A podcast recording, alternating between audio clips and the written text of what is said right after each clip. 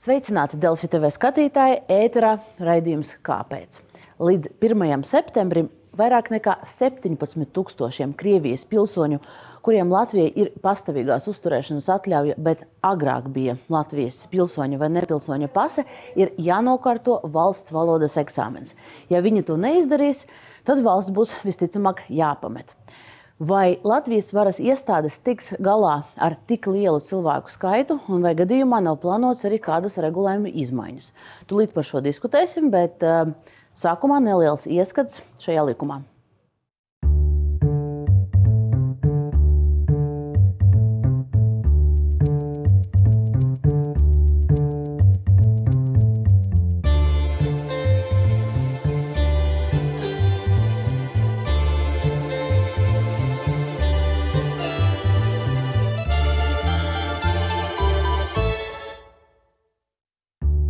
Nedēļu pirms vēlēšanām Saima apstiprināja izmaiņas imigrācijas likumā. Krievijas pilsoņiem, kuri pirms citas pilsonības pieņemšanas ir bijuši Latvijas pilsoņi vai nepilsoņi, piešķirtās pastāvīgās uzturēšanas atļaujas būs derīgas līdz 1. septembrim.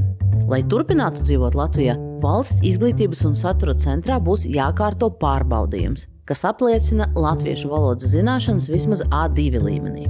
A2 līmenis ir otrs zemākais no sešiem valodas prasmju līmeņiem. Jāspēj sarunā lietot pamata pieklājības formas un uzdot vienkāršus jautājumus. Jāspēj lasīt un saprast īsus, vienkāršus tekstus.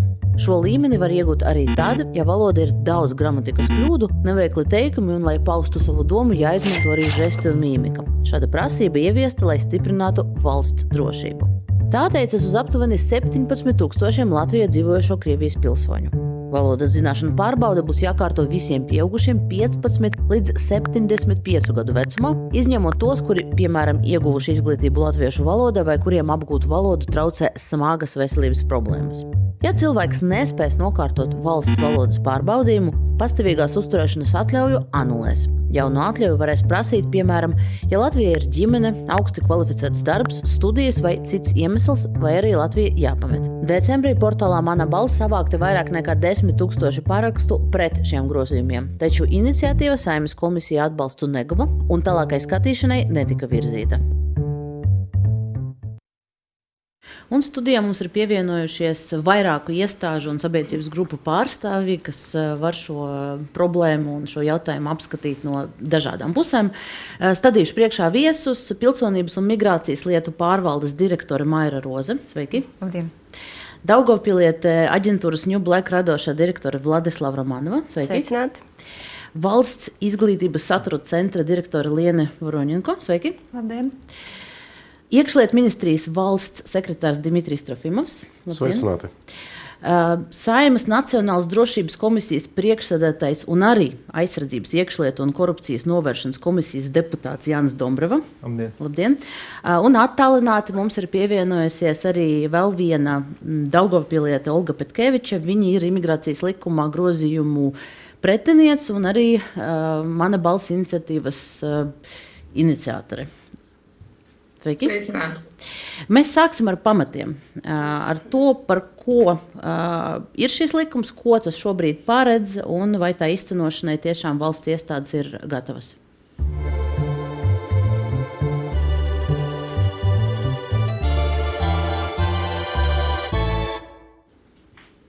Tātad mēs runājam par tiem cilvēkiem, kuri savulaik atteikušies no Latvijas pases, lai pieņemtu Krievijas pilsonību. Lielākoties tas tika izdarīts, lai saņemtu pensijas tolaik lielākas no Krievijas. Kuriem tās pienākās, un toreiz automātiski šiem cilvēkiem pienākās pastāvīgās uzturēšanas atļaujas, un nepieciešamība kārtot eksāmenu valodas nebija. Tagad likums nosaka, ka ar 2. septembrī cik, ja es pareizi saprotu, tad visas uzturēšanas atļaujas šiem cilvēkiem tiks uh, anulētas un uh, būs jāpiesakās no jauna. Uh, un šajā situācijā tad ir vajadzīga būs šī izziņa par A2 valodas, uh, valsts valodas zināšanām. Un pirmie jautājumi man ir. Uh, nu, tām iestādēm, uz kuru pleciem gulstas atbildība šo visu izcenot, šobrīd ir gan PMLP, gan iekšlietu ministrija. Varbūt jūs varat ieskicēt, mums ir kas notiks divos scenārijos 2. septembrī. Viens cilvēks ir nokārtojis eksāmenu, A2 līmeni ir saņēmis. Kas notiek ar šo cilvēku 2. septembrī? Un viens cilvēks šādus dokumentus nav iesniedzis. Vai jūs varat salīdzināt? Pienāca 2. septembris, uh, uzturēšanas atļauja ir anulēta, un tad uh, tālāk, kas notiek tālāk? Lūdzu, jebkurš, jebkurš no jums var atbildēt. Laikam es atbildēšu. Nu, tā tad būtībā 1. septembris pašreiz ir noteikts termiņš, līdz kuram jau būtībā viss būtu jānokārto. Jo 1. septembrī likums saka, ka nevis anulē, bet vienkārši uzturēšanās atļauja vairs nebūs spēkā. Tas nozīmē, ka viņa automātiski var teikt, Tur nebūs speciāls lēmums katram, jums tagad mēs anulējam, jo tas būtu pilnīgi citā procedūrā. Tātad cilvēkiem vairs nav uzturēšanās atļauja. Šobrīd viņiem ir tiesības iesniegt jau dokumentus un pieprasīt pastāvīgā iedzīvotāja statusu. Kas arī tiek darīts no cilvēku puses, jā, jau ir 1300 pāri šādi pieteikumi. Un, tātad, ja viņi ir iesnieguši, viņi var turpināt arī šeit nu, pārsvarā šie būs arī pagarinājumi, jo, lai arī trīs mēnešu laikā šādus mums vajadzētu izskatīt, bet ievērot, ka Krievijas pilsoņiem ir papildu pārbaude, tad uh, parasti, uh, nu, pareizāk sakot, bieži ir tā, ka pagarina. Tad viena daļa būs iesniegusi un būs procesā. Otra daļa, tie, kas nebūs iesniegusi, viņi varēs eh, lūgt eh, vēl, kamēr viņi ir šeit, un viņiem pienāksies kāda no termiņu uzturēšanās atļaujām. Viņi varēs arī šādu termiņu uzturēšanās atļauju prasīt, kā jūs arī minējāt, ievadā saistībā ar ģimenes apvienošanu vai zilo karti. Tas, kas ir paredzēts imigrācijas likumā. Un, ja nav, tādā gadījumā mēs izsniegsim izbraukšanas rīkojumu tad tie lielākoties tie 17,000, par kuriem ir runa, tie ir pensijas vecuma cilvēki. Lieli, ne? Cik, cik liela vai, vai, vai ir dati par šo šobrīd? No tiem, kuriem ir uh, Krievijas pilsonība un iepriekš bija Latvijas pase. Uh, lielākā daļa ir, ir 50, plus. ļoti maz ir uh, zem šī uh, vecuma. Un 300 jau ir iesnieguši. 1300. Nu, 1300. 1300 un um, vēl kaut kas bija 1337. Tas ir, uh, jā, ir iesnieguši jau. Bet tiem cilvēkiem, kuri, uh, teiksim, jūs nepagūsiet līdz tam 1. septembrim izskatīt viņu pieteikumus, bet viņi būs tos iesnieguši, tiem jūs izsniegsiet kaut kādu veidu pagarinājumu, vai, vai viņiem pēc tā 1. septembra būs tiesiskais pamats te atrasties, kamēr jūs izskatāt šos uh, šos pieteikumus? Ja viņš ir iesniedzis šī periodā, tad pagarinājums tiem, kam ir šobrīd pastāvīgās uzturēšanās atļaujas, pagarinājums dod tiesības uzturēties līdz lēmuma pieņemšanai. Tas jau ir noteikts likumā. Tātad, ja viņš ir iesniedzis, un mēs esam pieņēmuši un sākam ar viņu darboties, tātad, un ir pagarinājums, tad ir tiesības, tas tiek ierakstīts arī lēmumā, ka ir tiesības gan uzturēties, gan arī strādāt. Tās ir divas lietas, par ko atbildam mēs, un arī tas tiek ierakstīts. Bet tiem cilvēkiem, kas uz uh, 2. septembri nebūs saņēmuši uh, šādu lēmumu vai nebūs iesnieguši dokumentus, tad jūs sakat, ka ir uh, šis rīkojums par uh, nu, izraidīšanu pēc būtības. Uh, jā, atgriešanās. Um, jā, uh, Tas tā, protams, varētu būt, jo nu, no sākuma tā, tam cilvēkam pašam ir jāsaprot, varbūt viņam ir cits iemesls šeit uzturēties. Tas nebūs pirmajā dienā, jo ievērojot arī šī apjomi un šī izskatīšana, tas ne, nav iespējams, piemēram, kaut vai to 17,000 uh, izskatīt vienā dienā un pieņemt lēmumus vienā dienā. Bet, uh, ja gadījumā, uh, nu, teiksim, tā, es prasu šos jautājumus, jo es gribu saprast, kā tad, eh, nu, dzīvē izskatās šī likuma ieviešana. Ja tas likums ir uh, esošajā, esošajā formā arī, arī septembrī, tad uh, nu, teiksim, ir zināms par kādu skaitu cilvēku, kuriem uh, pastāvīga uzturēšanas atļauja ir, uh, ir beidzies šīs termiņš saskaņā ar uh, jaunākajiem grozījumiem. Viņi nav, uh, nu, vai nu eksāmenu nav nokārtojuši, vai nu nav iesnieguši visus dokumentus. Tad, uh, vai valstī ir kaut kāds uh, specifisks plāns, uh, nu, kas tad tālāk notiks uh, ar viņiem? Par kopējo skaitu precizējot, mēs runājam attiecībā uz 1. septembri. Tie ir ap 25,000 cilvēku vairāk. Šie 17 minēti tādēļ, ka šī starpība veidojās uz to cilvēku rēķina, kuriem ir 75, plus, un kuriem līdz ar to nav jākārto valoda, bet arī šiem cilvēkiem, protams, būs jākārto šī uzturēšanas atļauja.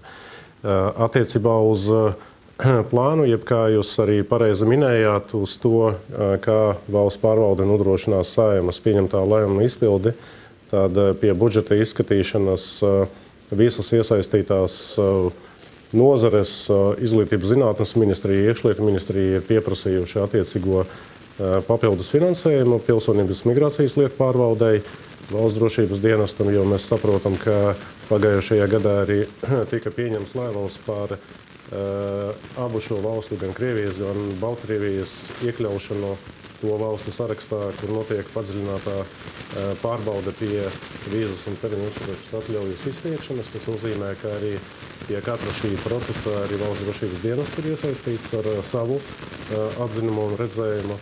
Nu, un, protams, izglītības zinātnes ministrija ir tā, kas budžeta procesā arī ir panākusi risinājumu par papildus nepieciešamo finansējumu. Es, es, es teicu, jūs pārtraukšu par resursiem. Mēs noteikti vēl parunāsim, bet, bet pagaidām vienkārši ieskicētu to nu, praktisko pusi, kā, kā tā, tas likums izskatīsies. Varbūt nu, ir kaut kāds komentārs, ok, mums ir kaut kāds skaits cilvēku, kuri, kuri nenokārtoja valodas eksāmenu, kuri kuri netiek, eh, ne, un tad, tad, tad, tad viņi ir jāizraida. Ko tad valsts dara? Es precizēšu, es, eh, es un Nacionāla apvienība bija viena no tiem, kas eh, rosināja šos grozījumus imigrācijas likumā. Sākotnēji mēs vēlējāmies šo termiņu noteikt, šķiet, tas bija marts vai aprīlis, un tad kompromisa rezultātā tā teikt, tika rasts šis septembris kā tāds saprātīgs pārejas periods, kura, kuras laikā, tātad attiecībā uz Krievijas pilsoņiem, no kuriem, kuriem lielākā daļa ir visai atklāti iestājušies par Vladimiru Putinu, balsojot Krievijas prezidenta vēlēšanās, kuru atrašanās šajos ģeopolitiskajos apstākļos Latvijai var radīt apdraudējumu. Tāpēc šādi grozījumi tika sagatavoti ar divām sadaļām. Viena sadaļa ir attiecībā uz šīm valodas prasībām, ko jau mēs minējām, kur ir konkrētā termiņā šiem cilvēkiem, principā no viņiem tiek noņemts no tas izņēmums, kas pastāvēja visus šos neatkarības gadus. Visiem bija par to praktisko un ot, ot, otra sadaļa savukārt ir par drošības iestādēm, kuras izies cauri šīm personām, lai pārbaudītu, vai viņi rada vai nerada draudus nacionālajai drošībai. Attiecīgi, mēs nevaram prognozēt šobrīd, cik daudzas personas uz šo septembri uh, būs tiesīgas arī turpmāk dzīvot Latvijā. Es ticu, ka uh, pietiekami liela daļa būs tiesīgas dzīvot, bet arī pietiekami lielai daļai būs jāizceļo. Vai, vai viena, daļa, kā... viena daļa labprātīgi jau šobrīd izceļo ārpus Latvijas. Troja precizēja pilsonības migrācijas lietu pārvaldi, bet ir, ir personas pietiekamā skaitā, kuri saprot, ka nu, tie apstākļi ir mainījušies un viņi paši es uzreiz, izvēlās. Uz, uzreiz pārbaudīsim, vai, vai, tas, vai tas tā ir, vai jūsu dati. Jā Ja mēs skatāmies, vai Krievijas pilsoņu skaits, kopējais skaits uh, saglabājas vienāds kā pirms gadiem, tad var teikt, ka viņas samazinās. Jā, un ir arī diezgan daudz pastāvīgās uzturēšanās atļaujas, kuras mēs esam anulējuši, jo personas uh, nav ieradušās arī uz reģistrāciju. Tātad viņas nav uh, iesniegušas dokumentus reģistrācijai, vai arī, ja ir bijis arī lēmums, nav ieradušies saņemt uzturēšanās atļauju un uzsākas anulēšanas process. Tā kā mums ir tie, tie cilvēki, kuri agrāk nomainīja Latvijas pasi pret Krievijas pasi, jā, es runāju par tiem, par tiem tieši. Jā, jā, jā, jā. Viņi izbrauc. Bet, Dombrovs kungs, tas sakotnējs par to, par, par to, kāpēc šis likums ir pieņemts, tas ir ticis izdiskutēts. Mēs argumentus dzirdējām īsi pirms vēlēšanām. Jautājums ir, kad jums, kā Nacionālās drošības komisijas vadītājiem, jūs redzēsiet un uzraudzīsiet to procesu, kas notiks ar tiem cilvēkiem, kuri nenokārtos eksāmenu, ne, neiesniegs dokumentus, labprātīgi neizbrauks. Nu, tas, Kas tālāk tas notiek? Kā, kā, tas kā jau tiek? šobrīd notiek ar jebkuru ārzemnieku, piemēram, vietnamieti, kurš ir uzturējies, nonācis Latvijā. Nu, tā, viņam nav tiesiskais pamats tālāk uzturēties Latvijas republikā. Vien, viņam dots, tiek dots termiņš, kad viņš pats ja var viņš izceļot. Nu, tad, ja viņš to neizdara, tad viņam palīdz izceļot. Jā. Nu, te ir ļoti līdzīga, līdzīga procedūra. Nu, tie ir trešo valstu pilsoņi, trešo valstu pilsoņus uzsvērš. Bet šo cilvēku iespējams būs vairāk nekā eh, jūs minēto citu trešo valstu pilsoņu. Jautājums te iekšlietu ministrijai. Dienesti, dienesti vienmēr ir bijuši gatavi šādas problēmas risināt, un, ja būs nepieciešama papildus resursi, mēs politiski noteikti atbalstīsim. Nu, te jautājums iekšlietu ministrijai, vai no jūsu puses tie dienesti, kas ir jūsu pārziņā, tiešām ir gatavi. Uh, nu, doties eh, pie, pie eh, šiem cilvēkiem, kuri nebūs nokārtojuši eksāmenu, un, un viņus izraidīt. Vai tur tiek gatavots kaut kāds, eh, nu, kaut kāds plāns? Ne, nav, nevajag minēt, ka nebūs nokārtojuši eksāmeni. Ja viņam beidzās uzturēšanās atļauja, tad nu, viņam beidzās tiesisks pamats uzturēties Latvijā. Līdzīgi kā ja tas ir attiecībā uz vīzām vai citām lietām. Nu, beidzās uz, legālais uzturēšanās dokuments, nu tad viss. Nu, primāri laikam jārunā, ka šīs likums stājās spēkā septembrī. Mm, šobrīd ir šī aktīvā cilvēku interese un laiks kvalificēties šīm jaunajām prasībām. Tādēļ jāpiekrīt, protams, tajā, ka šīs ir šīs politisks lēmums migrācijas jomā par to, kas ir tie nosacījumi, pie kuriem trešvalstnieki šeit var atrasties. Ja nav šī atbilstība šiem nosacījumiem, protams, tā ir vispārīgā kārtība attiecībā uz to, kas notiek ar cilvēku, kuram nav pamata šeit atrasties. Jāsaprot arī, protams, ka mēs šobrīd runājam par nu, pietiekami lielu cilvēku skaitu, kuri apzināti pieņēmuši lēmumu pieņemt citas valsts pilsonību. Un mēs varam runāt, protams, pieminēt šo materiālo interesi, Bet aiz katras uh, pilsonības ir apzināta izvēle veidot uh, savu noturīgo saikni ar konkrēto valsti. Uh, tas arī noteikti primāri tas jautājums, kas jāapzinās katram, lai nodrošinātu, protams, iespēju uzturēties šeit arī pēc 1. septembra. Bet jums šobrīd ir aprēķina, cik varētu būt uh, skaits to cilvēku, uh, kuri būtu valstī jāizraida? Vai, mēs, nu, to vai, vai ir plāns? Nu, šobrīd viņš nav prognozējams, jo mēs redzam, ka uh, ir, ir uh, tūkstoši pāri pieteikušies. Un, uh, protams, uh, šī noteikti uh, nu, būs sekošana atbilstoši pašu cilvēku interesē nākt. Uh, jo tikai un vienīgi šādā veidā uh, šie cilvēki varēs nodrošināt šo atbilstību. Aprīlī uh, Tiklīdz, nu, ja nenotiek ātrāk budžeta pieņemšana, pilsonības migrācijas lietu pārvalde plāno arī finansējumā, tas ir paredzēts uzrunāt katru individuāli ar attiecīgo vēstuli, informējot par šo procedūru, tādā veidā arī individuāli uzrunājot šos cilvēkus, ne tikai cerot uz to, ka viņi skatās šo vai kādu citu pārraidi. Kad, kad, kad viņi varētu saņemt tās vēstules? Mēs gaidām budžeta apstiprinājumu, un, ja mums būs piešķirts šis finansējums, mēs to izdarīsim nu, īsā laikā. Nu, budžets tiks apstiprināts marta vidū aptuveni. Es domāju, ka aprīlī mēs būsim izsūtījuši. Bet, ja cilvēki aprīlī, ja mēs pieņemsim, ka ir tie, kas varbūt vēl nav informēti, jo viņi dzīvo teiksim, citā informatīvā telpā, aprīlī viņi saņem vēstuli, tad aiziet kāds viņam to vēstuli vēl pārtulko vēl pēc kāda laika, jo tā visticamāk būs tikai valsts valodā, vai ne? Jā. Nu, mēs... un, tad, un tad nu, no tā aprīļa līdz septembrim tur jau Bet tā te, laika nav te, tik te daudz. Ir nianse, ka tomēr katram iedzīvotājam ir pienākums uh, zināt attiecīgās valsts likums, kurā viņš uzturās. Jā, nu, uh, te jau pat tāda labai žests tiks izrādīts no valsts puses, kur individuāli ar viņiem sazināsies. Bet, uh, jebkurš, kurš nezinu, dzīvot Francijā ar patstāvīgu uzturēšanās atļauju, viņam ir pienākums zināt Francijas likumus, ja, nu, tad, kad tie tiek pieņemti.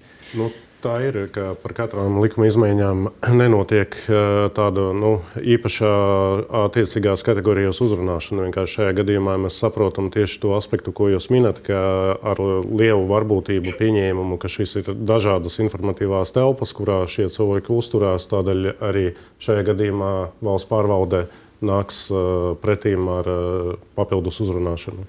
Šajā brīdī es gribētu iesaistīt mūsu attālināto viesi, Olga Petkeviča, kas uh, ir iesniegusi un uh, mana balss iniciatīvu šo grozījumu uh, atcelšanai. Iniciatīva netika apst, ap, šodien, uh, šonadēļ uh, saimā uh, virzīta tālāk, bet, uh, bet es pieņēmu, ka, nu, ka kritika tam, kas notiek no, no jūsu puses, tad varētu izskanēt.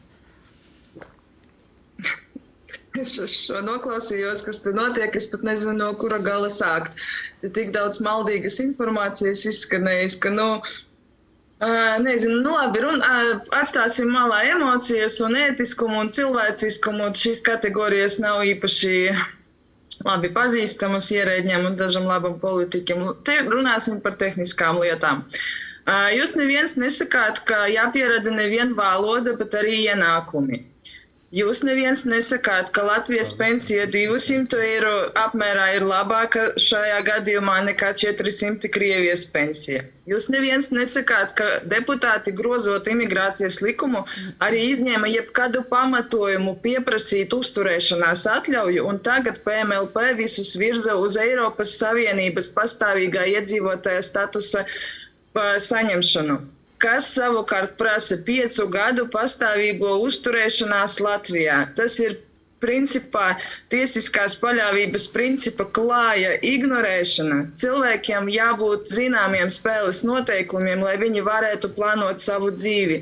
Cilvēks tagad nevar atgriezties 18. gadā un piecus gadus neizbraukt no Latvijas. Tas, ko jūs no viņa prasāt, tas ir klāji prettiesiski. Es pat nerunāšu necilvēciski. Un jā, šis vārds nerot manas iniciatīvas nosaukumā bija ievietots. Nu, pirmkārt, tāpēc, ka es esmu žurnāliste, jā, un es saprotu, kādus vārdus lietot, lai piesaistītu uzmanību. Bet šajā gadījumā, jā, tas tieši tā arī ir. Jo tas ir vienkārši zemiski skatīties, kā jūs karojat ar 50 plus tantukiem, kas paņēma Krievijas pasi, lai saņemtu kaut kādus iztikas līdzekļus 55 gadu vecumā, kad agrāk bija iespējams saņemt pensiju šajā vecumā no Krievijas, tagad viņas tiek pasludinātas par lielākiem valsts ienaidniekiem. Man viena deputāte komisijas sēdē atzinās, viņa noskatījās to anketu, ko tagad piedāvā aizpildīt katram uzturēšanās atļaujas pieprasītājam, kur ir jāsniedz visu radinieku CV, laulāto bērnu, vecāku, ar visām kapitāla daļām, ar visiem amatiem, ar visu izglītību. Un viņa saka, es nesen pildīju anketu, pielaidīju valsts noslēpumu, man prasīja mazāko apjomu informācijas.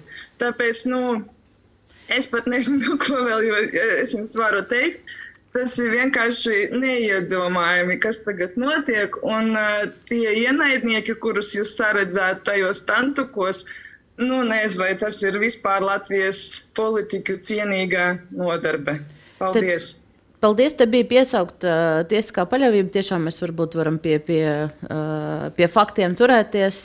Es, es, es Vai jūs tomēr, varat atbildēt? Es, es tomēr vēlos arī par šo emocionālo pusi atbildēt. Manuprāt, necilvēcīgi ir uh, Krievijas īstenot agresiju Ukrainā. Šie visi nosopkavotie cilvēki, bērni, uh, nomocītie cilvēki, kurus īsteno Krievijas armija, kurus atbalsta Krievijas pilsoņi Krievijā un ārpus Krievijas robežām, kuri atbalsta Putinu. Uh, tas ir necilvēcīgi. Necilvēcīgi Petkevičs kundze ir cepta kūkas 24. februārī ar uh, sarkano zvaigzni, publicē to sociālajos tīklos. Necilvēcīgi ir uh, likt video, kā ar tanku šauju un ar tekstiem bliežam pa fašistiem un ko tik vēl nē.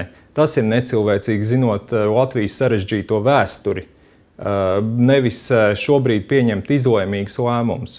Šai gadījumā, šai gadījumā, līdzīgi kā jebkuram trešvalstniekam, viņam ir jāpierāda tiesiskais pamats uzturēties Latvijā, tā skaitā pietiekami ienākumi. Tas ir viss pamatoti.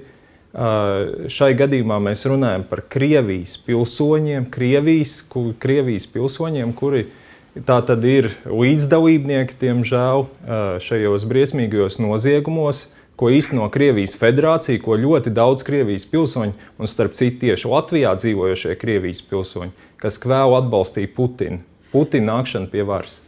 Jautājums par, par, par, par šiem kritērijiem, kuri šiem cilvēkiem ir jāpierāda. Tad viņiem ir jāpierāda 620 eiro ienākums mēnesī pēdējā gada laikā. Un, un nedrīkstēja pēdējos piecos gados vairāk par sešiem mēnešiem gadā atrasties ārpus valsts. Neprecīzi, ja? Neprecīzi, jā. Par, par pēdējiem pieciem gadiem likums saka, ka nedrīkst būt ārpusē ilgāk, piecu gadu laikā par desmit mēnešiem un nepārtraukti ilgāk par sešiem mēnešiem. To saka likums. Otrs ir par iztikas nodrošinājumu. Jā, likums saka minimālās algas apmērā, bet ja ir pensija, Latvijas pensija, kā arī, protams, te minēja, Latvijas pensija dara vienalga, kāds mhm. līmenis viņai ir. Ja tā ir citas valsts pensija, tādā gadījumā ir jāskatās, kāda ir vēl papildus līdzekļi, lai pierādītu šo uzturēšanos šeit, piemēram, bērni palīdz vai kā.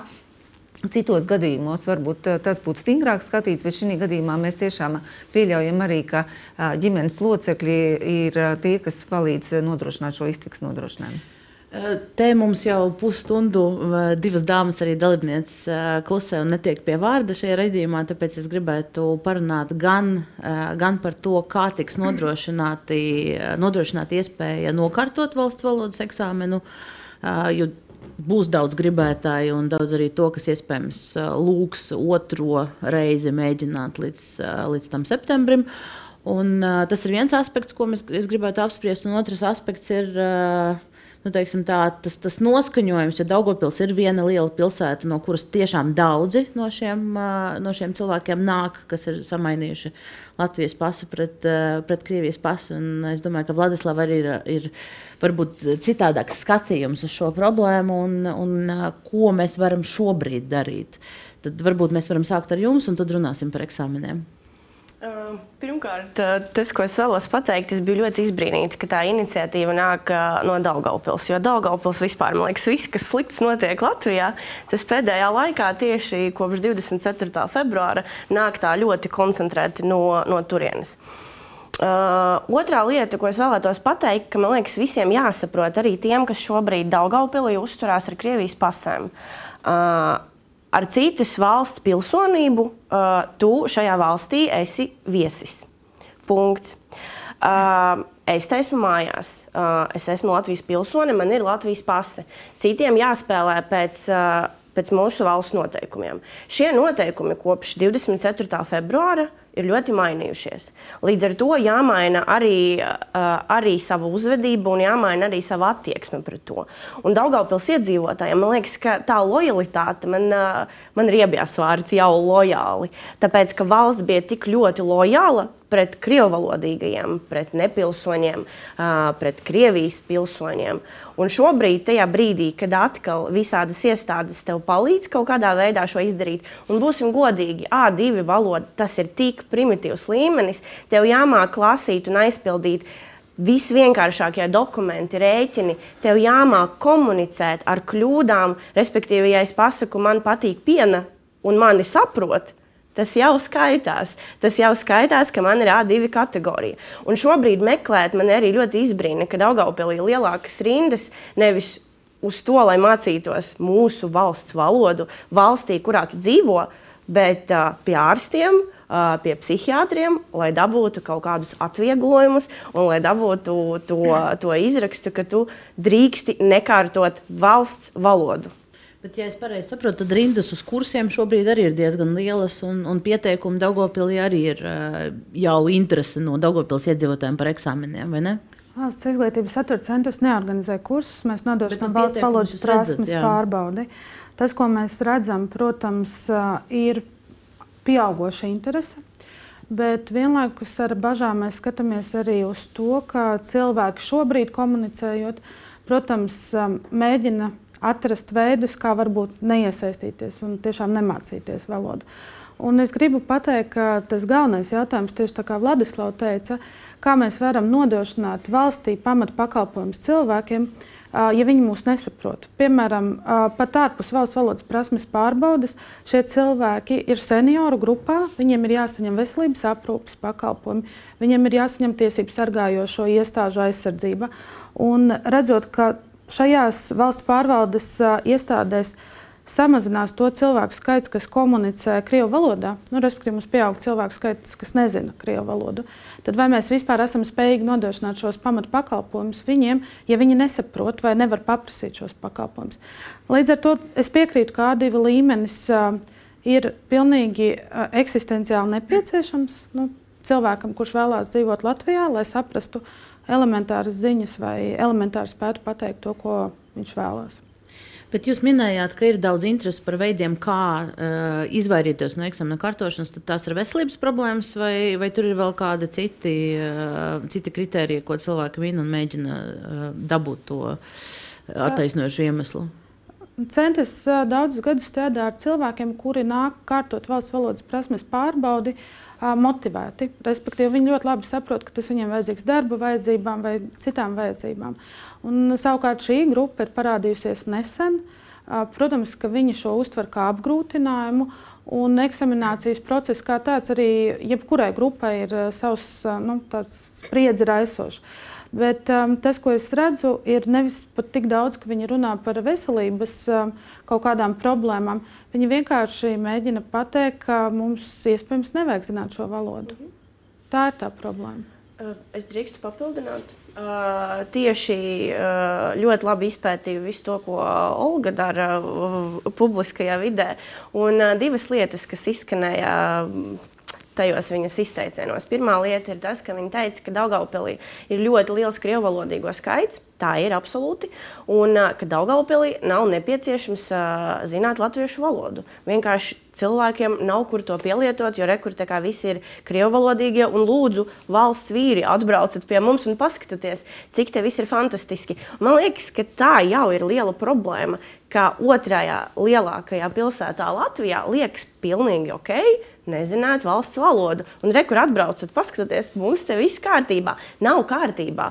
Un tik ilgi, kamēr mēs šo uztversim, kā kārtībā, tikmēr nekas nemainīsies. Tikmēr nebrauks uz turieni latvieši, tikmēr tur neattīstīsies.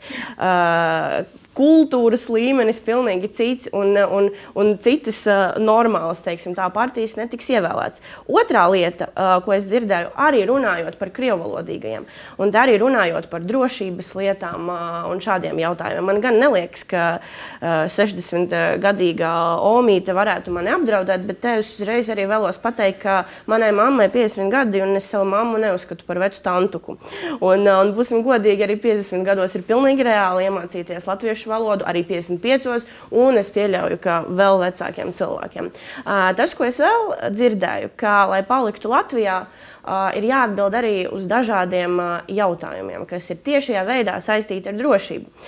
Un tad ļoti smējās dāmas par to, ka jāatbild uz jautājumu, piemēram, kam pieder Krima. Un, uh, un tad kā tad veci cilvēki atbildēs uz šo jautājumu? Kāpēc man uh, nav jāsmējās par šo jautājumu, un kāpēc es varu viennozīmīgi absolūti atbildēt uz šo jautājumu? Un kāpēc mums jādomā, kā tie cilvēki, kam ir Krievijas pilsonība šobrīd, atbildēs uz jautājumu, kam pieder Krima, un mums jābūt lojāliem pret uh, šādiem cilvēkiem? Man šis ļoti izbrīna. Šī, šī anketa, kur, kur ir jāpilda šobrīd uh, Krievijas un, ja nemaldos, arī Baltkrievijas pilsoņiem pieskoties uz, term, uz uzturēšanas atļaujām uh, Latvijā, tagad uh, mēs studijā gan to varam redzēt, un arī skatītāji iespējams to var redzēt saviem ekrāniem. Uh, mēs, mēs arī uh, izrādījām interesi par šo, jo uh, te droši vien jautājums ir uh, PMLP, vai tā anketa kaut kādā veidā tiek, tiek izmantot. Jo nu, te ir jautājums, vai uh, pieņemsim, vai ir attaisnojumi padomju memoriāla demontāža Latvijā, tad ir atbildžu varianti jā vai nē. Un, ja, teiksim, ja cilvēks uzraksta nē, nu, uzskata, ka tad nav jā, jādemontē padomju memoriāla Latvijā, tad, tad tālāk, kā tas tiek izmantots, vai, vai no tās atbildes izriet negatīvais lēmums, vai, vai tas kaut kādā arhīvā tiek glabāts. Šī anketa, un par ko tika minēts, tie jautājumi, uh, ir saistībā ar papildu pārbaudi, ko veic drošības iestādes. Un līdz ar to šīs anketas tiek nosūtītas uz drošības iestādēm, un tur tiek arī vērtēts, kā ir atbildēts uz jautājumiem un eh, kas, ka, kas, kas ir šajā informācijā. Tā kā šo informāciju nevērtīgi pārvalde.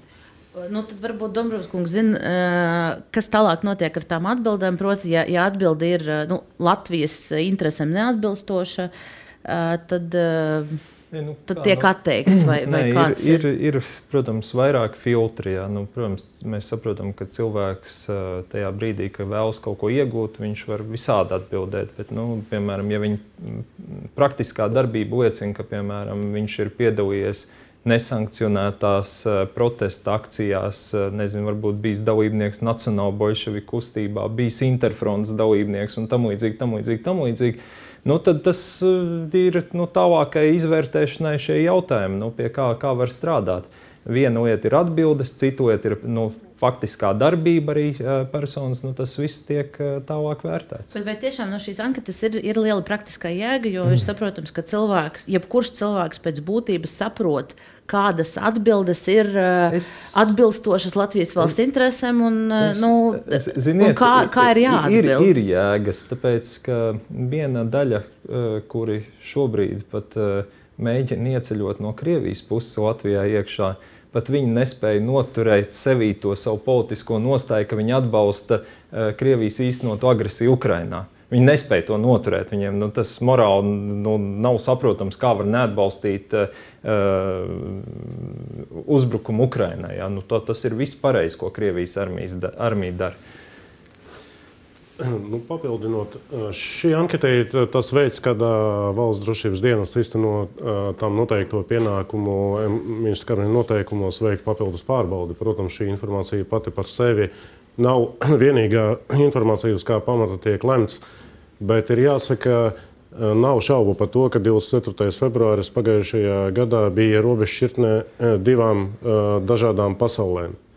Un līdz ar to, protams, no pirmās dienas arī mēs uz robežas darām līdzīgu darbu, vērtējot nacionālās intereses savai valstī un apdraudējumu iekšējai drošībai kopumā savienībā. Jā, tas nozīmē to, ka atsevišķos gadījumos, kad cilvēki klāja un atklāti izmanto iespēju paust atbalstu, viņiem šī ieceļošana tiek liekta.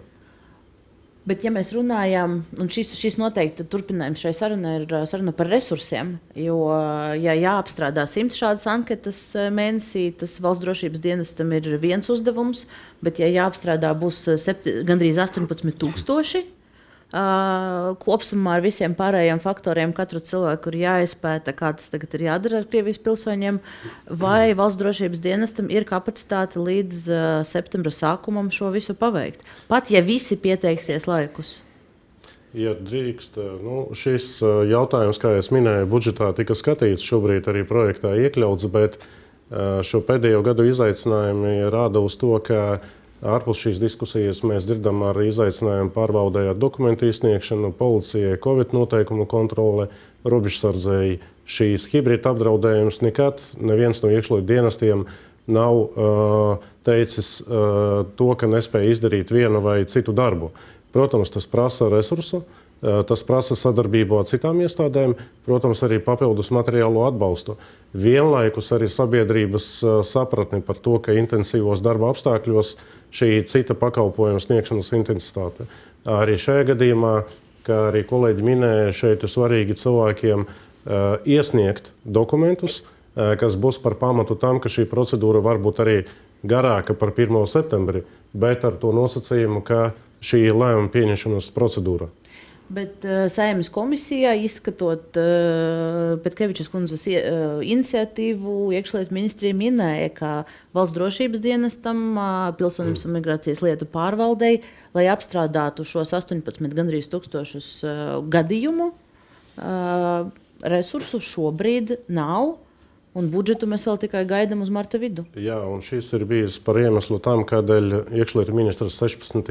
janvārī iesniedzis aizsardzības iekšlietu korupcijas novēršanas komisijā uh, informāciju par uh, šo risku redzējumu attiecībā uz cilvēku skaitu un šo noteikto uh, datumu 1. septembris. Uh, iekšlietu ministra piedāvājums ir izkliedēt uh, šo, uh, šo dokumentu izskatīšanu, neatceļot pienākumu pēc būtības. Ko nozīmē vārds izkliedēšana? Tas jau ir deputātu varā lemt eh, par to, kāds varētu būt eh, kompromiss un risinājums eh, tam, ka šie dokumenti varētu tikt skatīti atbilstoši to vai nu derīguma termiņam, vai kāds citādi. Un šis, šis ir mūsu sarunas nākamais temats. Iekšlietu ministrijas ideja, kā tad turpmāk virzīties ar, ar šo jautājumu.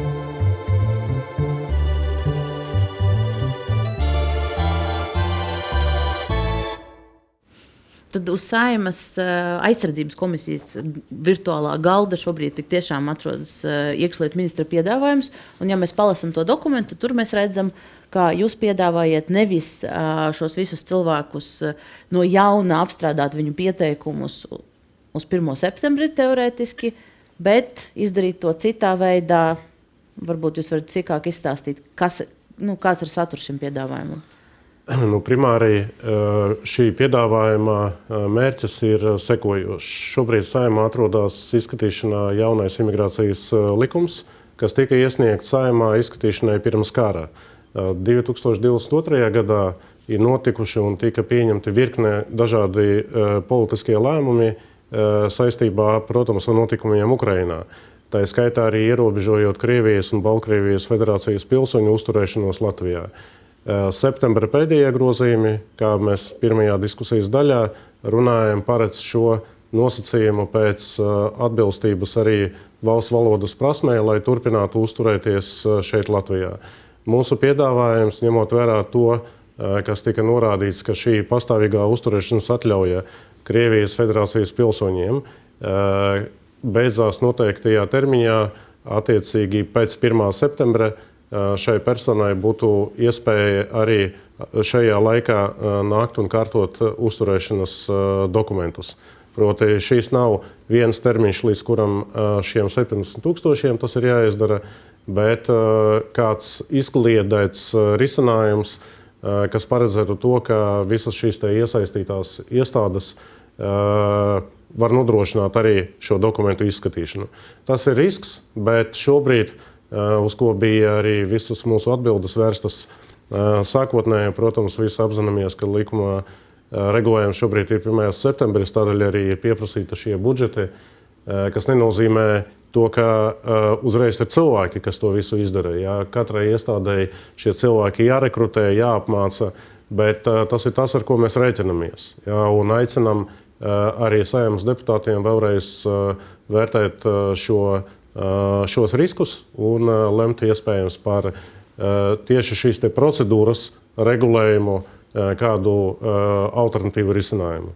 Viens neliels precizējums, pirms mēs turpināsim apspriest šo par budžetu. Vai, ir, vai jūs varat nosaukt konkrētu summu, ko iekšlietu ministrija pieprasa no valsts budžeta, lai būtu papildus resursi apstrādāt šos, visus šos Krievijas pilsoņus ar ar pastāvīgajām uzturēšanas atļaujām gan valsts drošības dienestam, gan, gan, Jā. gan pilsonības migrācijas lietu pārvaldei. Tur Jā. miljonos mērams droši vien. Tā, tā tas ir. Pilsonības migrācijas lietu pārvaldes gadījumā tie ir vairāk kā 1,48 papildus štata vietas, un arī tas pasākums par informēšanu iekļauts tajā. Valsts drošības dienestam ir eh, līdzīgs pieprasījums, varbūt bez detaļām. Tā summa kopējā un ir. Izglītības zinātnes ministrijas aprēķins bija arī pāri miljonam, nu, līdz ar to kopā saliekot, tie ir nedaudz pāri, nu, trim miljoniem pāri. Tad jums nesakrīt informācija. Tās 48 vietas uh, ir pareizi, bet uh, tur iznāca uz trīs gadiem. Katrā gadā ir nu, dažādas tās summas. Bija, šogad bija vairāk par miljonu, nākošajā gadā jau kaut kāds, man liekas, 1,7. Kopā bija, man liekas, kaut kādi 4 vai 4,5 miljoni. Es arī vairs neatceros. Jā, trīs gadu periodā. Bet, uh, ja mēs tā godīgi skatāmies ar tiem 48, uh, kuri arī nestāv mums rindā un negaida mūsu darbu, kā mēs ļoti labi zinām, cik mums ir uh, daudz šobrīd konkursi un mēs redzam tos rezultātus, tad tas vienalga ir ļoti, ļoti liels risks, ka mēs iekļausimies termiņos. Tātad, ja arī mūs iesniedz, mēs uh, termiņos izskatīt nespēsim. To es varu vienkārši pateikt.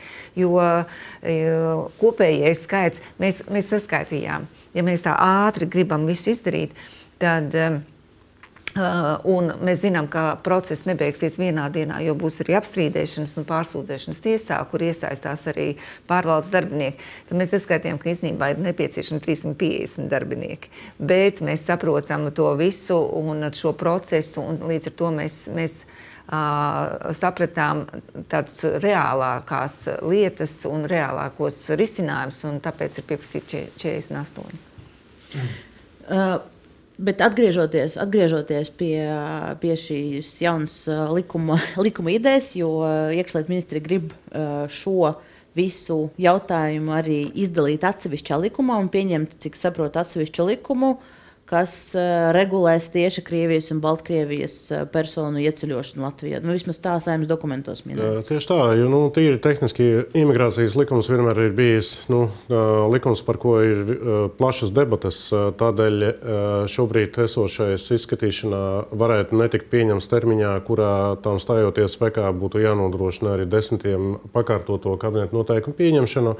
Šo tīri tehnisko momentu apzinoties, mēs piedāvājam saimai vērtēt kā risinājumu, izceļot normas visas, kas skar Krievijas Federācijas, Baltkrievijas Republikas pilsoņu uzturēšanos un ieceļošanu atsevišķā likumprojektā. Nu, jautājums, vai aizsardzības komisija kaut ko šādu varētu atbalstīt, ņemot vērā to, ka nu, tā galvenā ideja ir nelikt visiem šiem Krievijas pilsoņiem ātri, ātri iesniegt dokumentus, visu, visu iesniegt uz 1. septembri, bet katru reizi pie sava statusa pārreģistrēšanas iesniegt trūkstošo valsts valodas pārbaudas rezultātu. Viena no spilgtākām mācībām, ko Ukrāņi mums ir devuši, ir tā, ka viena lieta ir cīņas frontē, cita lieta ir šī šie mm, Krievijas bruņoto spēku atbalstošās personas valsts iekšienē, kas eh, rada daudz lielākas problēmas. Un eh, šai gadījumā mēs runājam par nevēlēšanos mācīties valodu, par eh, varbūt kādam arī nevēlēšanās atzīt patiesību, bet es ticu, ka vienai lielai daļai tomēr viss būs kārtībā ar galvu. I valoda iemācīsies, un arī pavisam noteikti sapratīs, kurā tomēr ir pusē stāvēt šajā visā situācijā. Nu, tur ir jāpieņem lēmums, vai viņš ir ar Krieviju, vai viņš tomēr ir ar Latviju, neatkarīgi no pilsonības. Uh, un uh, runājot par tiem termiņiem, es uh, piekrītu, ka var runāt par kaut kādiem maziem tehniskiem precizējumiem, par kaut kādiem dažiem mēnešiem, bet te jau mēs runājām, ka tātad tie, kas būs iesnieguši pieteikumu, pat ja nebūs pagūts izskatīt to pieteikumu, viņiem ir pēc tam tiesības vēl noteiktu periodu uzturēties Latvijas Republikā, kamēr viņa pieteikums tiek izskatīts. Uh, bet savukārt uh, pārējiem ir tomēr skaidri jāapzinās, ka, nu, ja viņi nevēlas sakārtot dokumentus, ja viņi nevēlas teikt, veidot tālākas attiecības ar Latvijas valsti, nu, tad viņiem tomēr tā turpmākā dzīve ir jāmeklē citvieta. Un tur es neredzu nekādu vajadzību būtiski mainīt nekādus termiņus. Tas tikai radītu uh, nevajadzīgu maldināšanu. Tā būtu tīrākā spēle Krievijas interesēs, uh, šādā veidā kaut kādā ziņā piekāpjoties viņu arī ģeopolitiskiem mērķiem, šeit uzturēt. Uh, nu, ne jau pavēlta Krievijas federācija 90. gados tik ļoti uzstājusi to, ka ir jāsaglabā uh, viņiem uh, lojālie tautieši šeit uz vietas. Dubrovskis, es eh, šajā brīdī jūs drusku pārtraukšu, jo mums Droši. jāatvadās no RTV skatītājiem. Tur mūsu ēteris ir beidzies, bet, un paldies RTV skatītājiem par to, ka bijāt ar mums šo, šīs minūtes, gandrīz stundu, bet ar Delfi TV skatītājiem mēs vēl kādu brīdi studijā turpināsim. Tad vai, pareizi, vai mēs pareizi sapratām, ka uh, šo konkrēto piedāvājumu jūs noteikti esat jau redzējis, šo dokumentu, tad nu, neatbalstīs es, es ne Nacionāla apvienība, ne jūsu komisija. Saku, es tiešām piekrītu, ka par kaut kādām tehniskām niansēm, par kaut kādu vienu, divu mēnešu pabīdēm. Ja, tur, Likums nav par vienu, diviem mēnešiem. Tur diezgan kardināli tiek šis. To, to, to mainīts. ir iespējams vienoties, bet par kaut kādām tur, kad tā ir, mēs nezinām, piecus gadus Eh, turpināsim vērtēt, nu, neko tādu mēs eh, nepiekrītam. Un, eh, tas arī būtu absolūti greizs signāls šajā brīdī. It īpaši ņemot vērā, ka tā jau tika pieņemts aizvadītā gada septembrī kompromisa risinājums par šo vienu gadu periodu, mēs jau gribējām to visu risinājumu atrast pusgada laikā. Nu šeit gribētu uzsvert, ka šī piedāvājuma mērķis un pamats ir tajā, ka izvirzot vienu vai citu prasību, protams, nu, valstī pretim jāspēj nodrošināt tās izpildi. Ja? Un šeit neiet runa par to, ka kāds apšauba šī pienākuma politiskā lēmuma no aktualitāti. Šeit iet runa par to, ka attiecīgi šīs 1. septembris mēs skaidri šeit jau šodien dzirdam no PMLP vadības, kad šī lēmuma masveida pieņemšana vienā dienā nav iespējama. Tādēļ ir šīs piedāvājums par procedūru, jā, kas nodrošinās to, ka, ja ir jautājums valsts virzienā, ko tā ir darījusi, lai nodrošinātu procedūras pieejamību, tad šī ir tā, tas risinājums, ko mēs sakām, ka procedūra ir tā lieta, kas ir būtiska, lai arī šo pienākumu varētu īstenot. Bet, ja es pareizi sapratu šo tekstu, varbūt es pārpratu, un tad jūs varat, jūs varat pakoreģēt, tad šī, šis te likuma teksta ideja vai, vai variants piedāvājums ir, ka ar 1. septembri netiek izbeigtas visas tās uh, pastāvīgās uzturēšanas atļaujas, bet cilvēkiem tiek likts par pienākumu valsts valodas zināšanas apliecināt pie pārreģistrēšanas. Es pareizi sapratu. Ja? Tur, turpinās šo derīgumu termiņu šīm pastāvīgās uzturēšanas atļaujām līdz brīdim, kad nu, šis termiņš beidzās un cilvēkam jāatnāk attiec, ar attiecīgu apliecinājumu valsts valodai. Šī brīža likuma regulējums paredz, ka šis ir viens brīdis, 1. septembris, kurā kā mēs runājam, šis zaudēja spēku visas atļaujas. Skaidrs, ka šādu nu, Roslīkoviešu nesen saimā bija iesnieguši šādu lēmumu projektu. Ja? Nu, skaidrs, ka neko tādu saima neatbalstīs. Es tiešām neredzu, kā valdības līmenī kaut kādu tādu Roslīkoviešu piedāvājumu varētu atbalstīt, kad tiek uztaisīts bezgalīgs pārejas periods. Bet es tiešām domāju, ka tālākās sarunās mēs nonāksim pie redzējuma, kur jā, varbūt kaut ko var pagrozīt par vienu, diviem mēnešiem vai varbūt kaut kādi garāki apstrādes posmi izveidojas, bet noteikti ne principi, ka tur aiziet daudzu gadu garumā, kur beigās ir iespēja dažam nopirkt visus psihiatru atzinumus, zinot, kā, kā tomēr tā korupcija pastāv. Ja? Citam nopirkt valodas apliecinājumu. Konkrēti gadījumi? Nu, ar Covid vakcinācijas faktiem vai tad ne, nepirka neviens? Jā.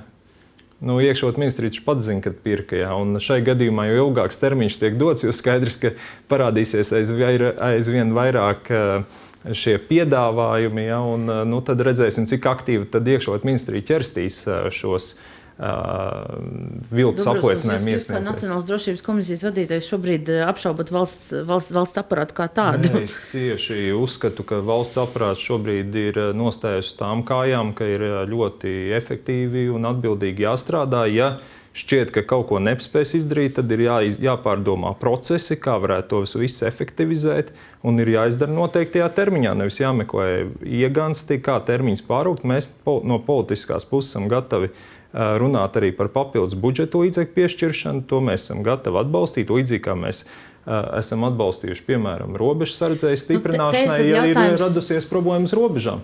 Te ir runa par mūsu valsts drošību. Nu, mēs ne, ne, ne, neredzam tur problēmas. Mēs tad varam pilsonības migrācijas lietu pārvaldē pajautāt, okay, vai jūs varētu kaut ko optimizēt un palūgt vēl līdzekļus un tad tiešām realizēt to tajos termiņos, kādos, eh, vai plus divi mēneši, kā, kādos pieprasa šobrīd, eh, šobrīd likums.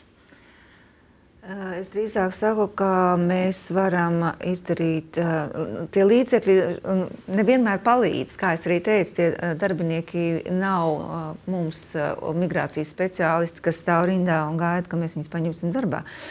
Tas ir viens jautājums. Un otrs jautājums ir, kā jau arī teicu, šis process nav vien, vienas dienas process. Ja?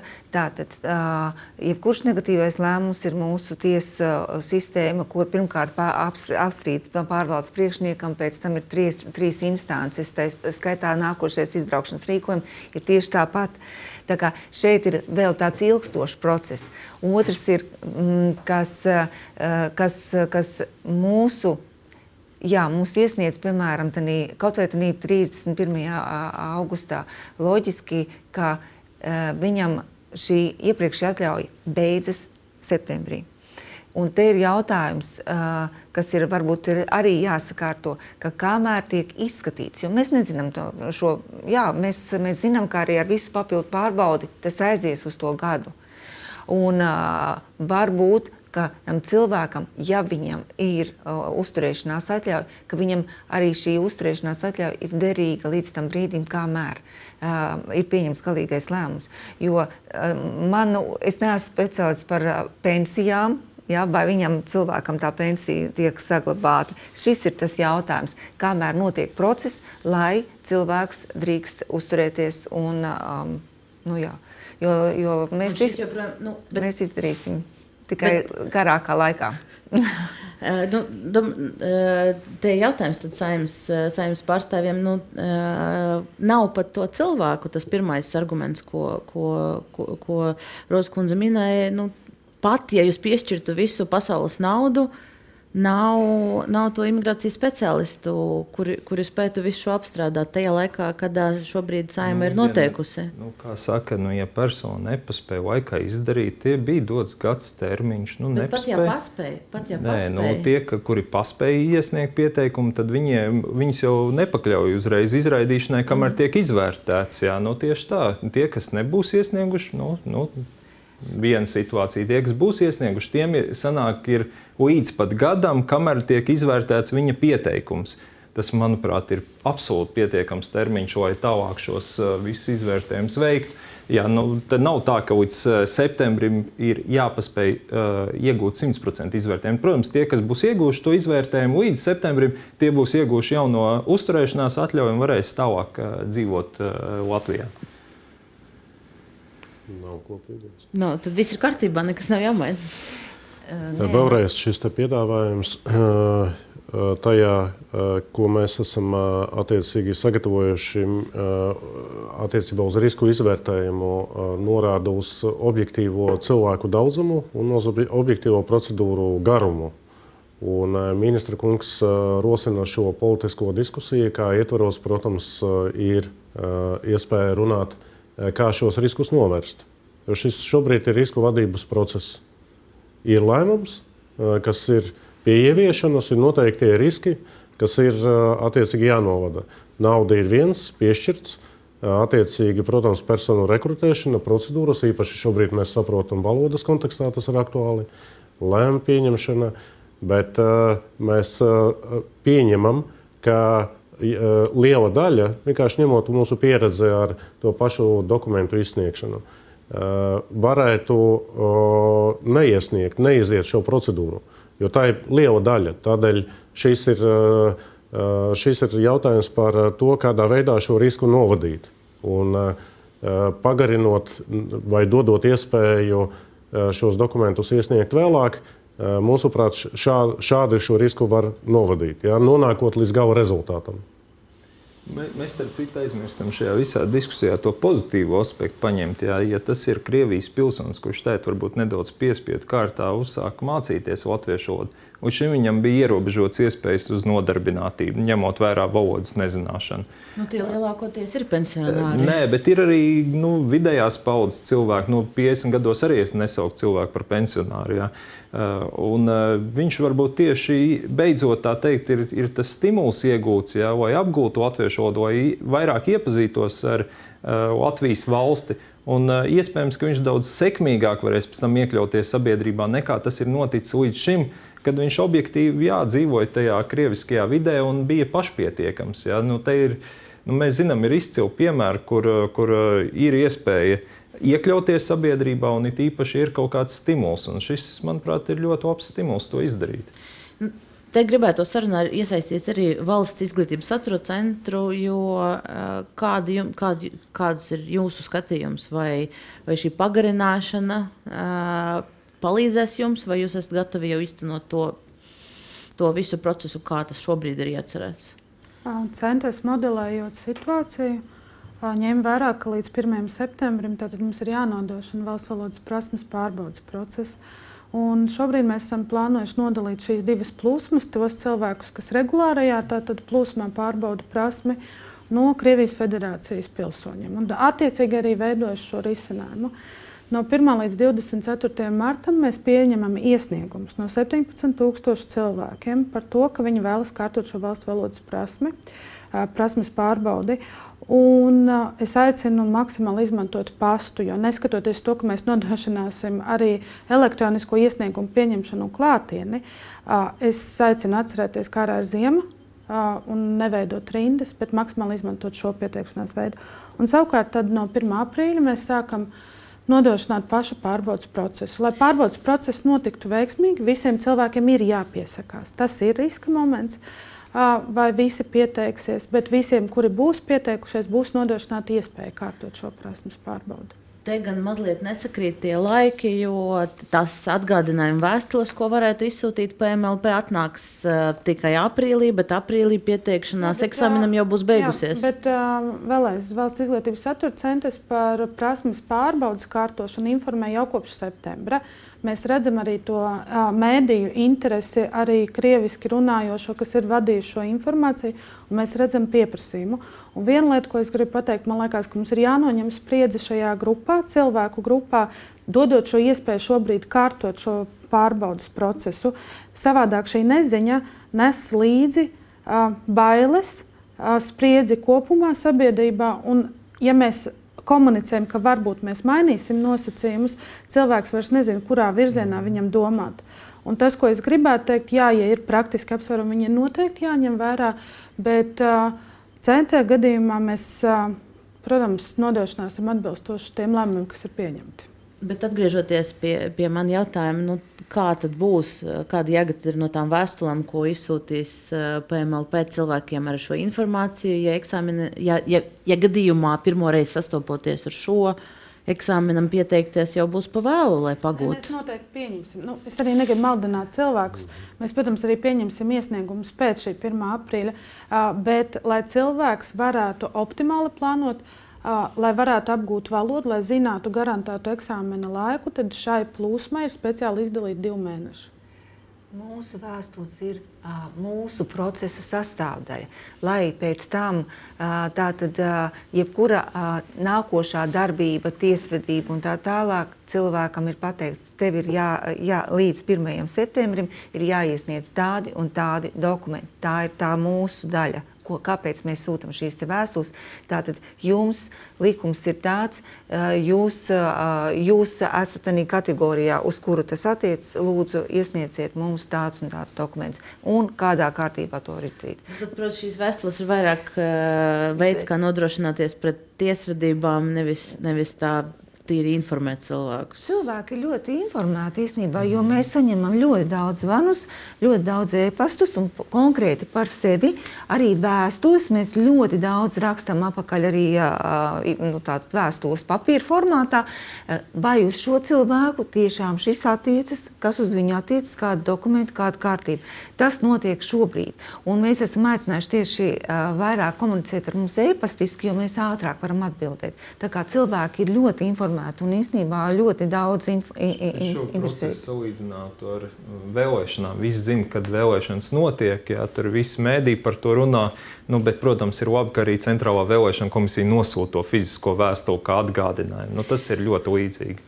Uh, ja mēs norazumējam šo sarunu, tad mēs redzam, ka nu, šobrīd izskatās, ka iekšlietu ministra un iekšlietu ministrijas idejai uh, pagarināt šo procedūru atbalsta politiskā, vismaz nu, vienā no koalīcijas partijām, uh, nav.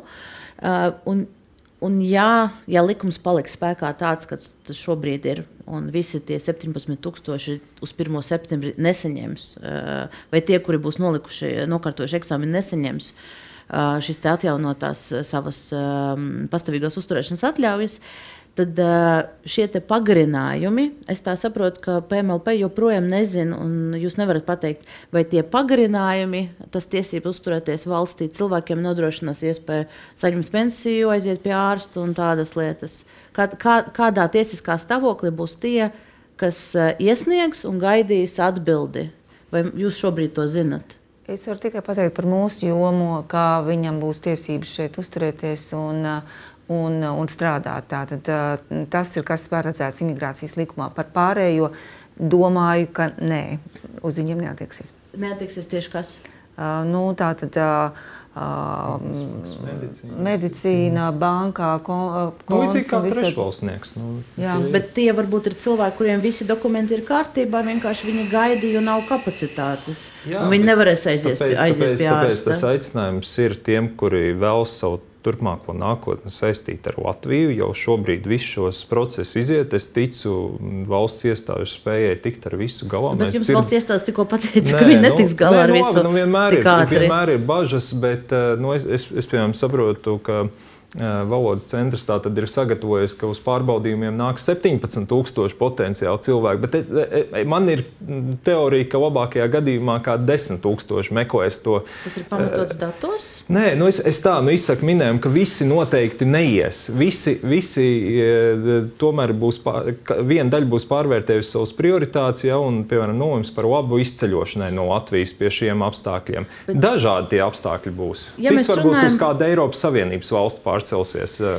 Ja mēs runājam tīri par praktisko situāciju, tad vai no, no, no, no Rozkundas atbildes es pareizi secināju, ka tā tad pēc 1. septembra mums būs, pēc 2. septembra mums būs cilvēku grupa, kuri gaida PMLP lēmumu, un kamēr viņi gaida, iespējams, gadu, un iespējams, viņi ir nokārtojuši valsts valodas šos eksāmenus, uh, tad viņiem nebūs piekļuves pensijām viņiem, vai pabalstiem, viņiem nebūs piekļuves valsts, valsts piedāvātajiem medicīnas pakalpojumiem un tā tālāk. Es, tā, tā, tā ir korekta Korekts skatījums uz situāciju. Es eh, pirmām kārtām gribētu precizēt, jūs teicāt, ka nav atbalsta politiskajai vidē mu, eh, nu, ministra iniciatīvai. Uh, šobrīd nav lēmuma vēl par to. Ir, būs diskusija, būs lēmums, tad būs iespēja pateikt korekti, uh, ka nav atbalsta. Tā kā diskusija vēl ir priekšā. Par šo situāciju uh, abstrahējoties no emocijām. Ir praktiski saprotot. Jā, par ko mēs runājam? Par to, ka cilvēks ir pieņēmis citas valsts pilsonību, kura maksā viņam pensiju. Tātad arī tajā brīdī, kurā ja šim cilvēkam šeit radās problēmas ar tehniskās, tāpat kā bija kara laikā, ar iespēju saņemt pensijas rubļos. Tā kā tas viss ir jautājums, protams, tas ir konsekvences, kuras šobrīd ir iespējams novērst. Jā, šobrīd šīs konsekvences šiem cilvēkiem ir jānovērš. Jo, diemžēl, šis lēmums pēc uh, pensijas izraisa. Tas viss ir saprotams. Jā, tas viss ir saprotams, bet tas visas ir konsekvences tam, ka uh, šī tiesiskā saikne nav izveidota ar Latviju, bet ar citu valsti.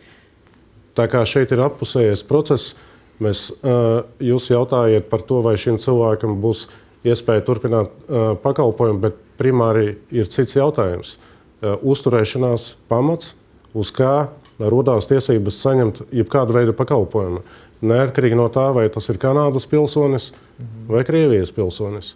Un uh, šajā gadījumā, protams, vēlreiz nonākot līdz šobrīd likums paredz šo prasību, valsts pārvalde strādā uz to, lai būtu gatavi no savas puses politiskā diskusija, bet tur ir lielākā daļa pašu cilvēku rīcība. Proti, ja joprojām šī valsts ir tā vieta, kur šiem cilvēkiem ir svarīgi turpināt atrasties, nu šobrīd tie ir spēles noteikumi.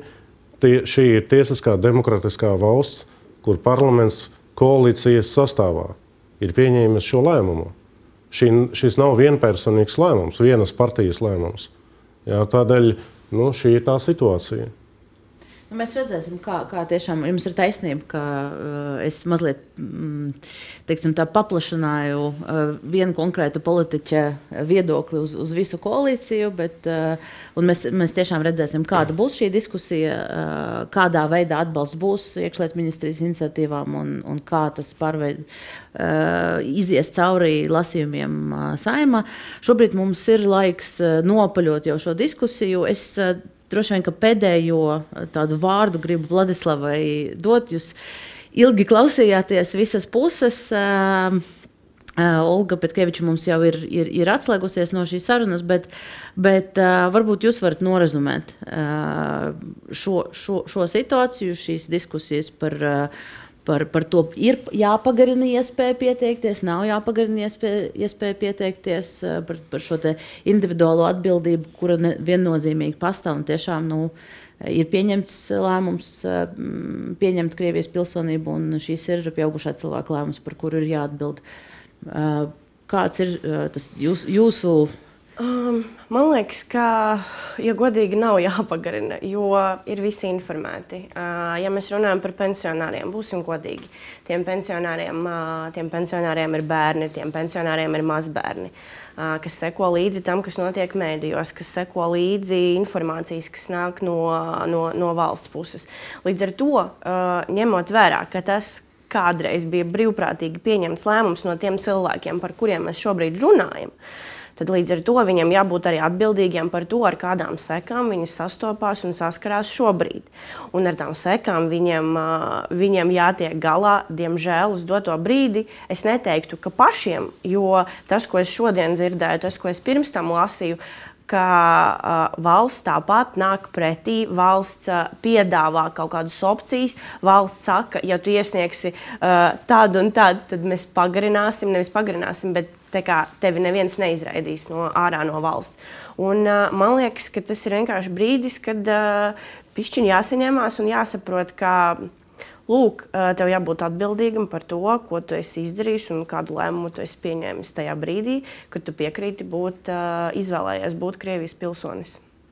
Nu ar, ar šo, ar šo uh, mēs, arī, mēs arī noslēgsim. Es esmu pārliecināta, ka turpināsies diskusijas, un iespējams, ka arī šajā studijā mēs runāsim par šo jautājumu uh, kad jau skatīs konkrēto priekšlikumu. Iespējams, runāsim, iespējams, arī ne, bet jebkurā gadījumā Delfija sekos līdzi, līdzi šai situācijai. Paldies visiem viesiem šajā raidījumā, paldies arī skatītājiem. Atvadoties, es atgādināšu, ka, ja gadījumā jūs neesat paguvuši noklausīties visu diskusiju, tad vēlāk Spotify un Apple platformās audio formātā, podkasta formātā mēs esam pieejami. Lūdzu, klausieties, un tad tiekamies ar visiem pēc nedēļas.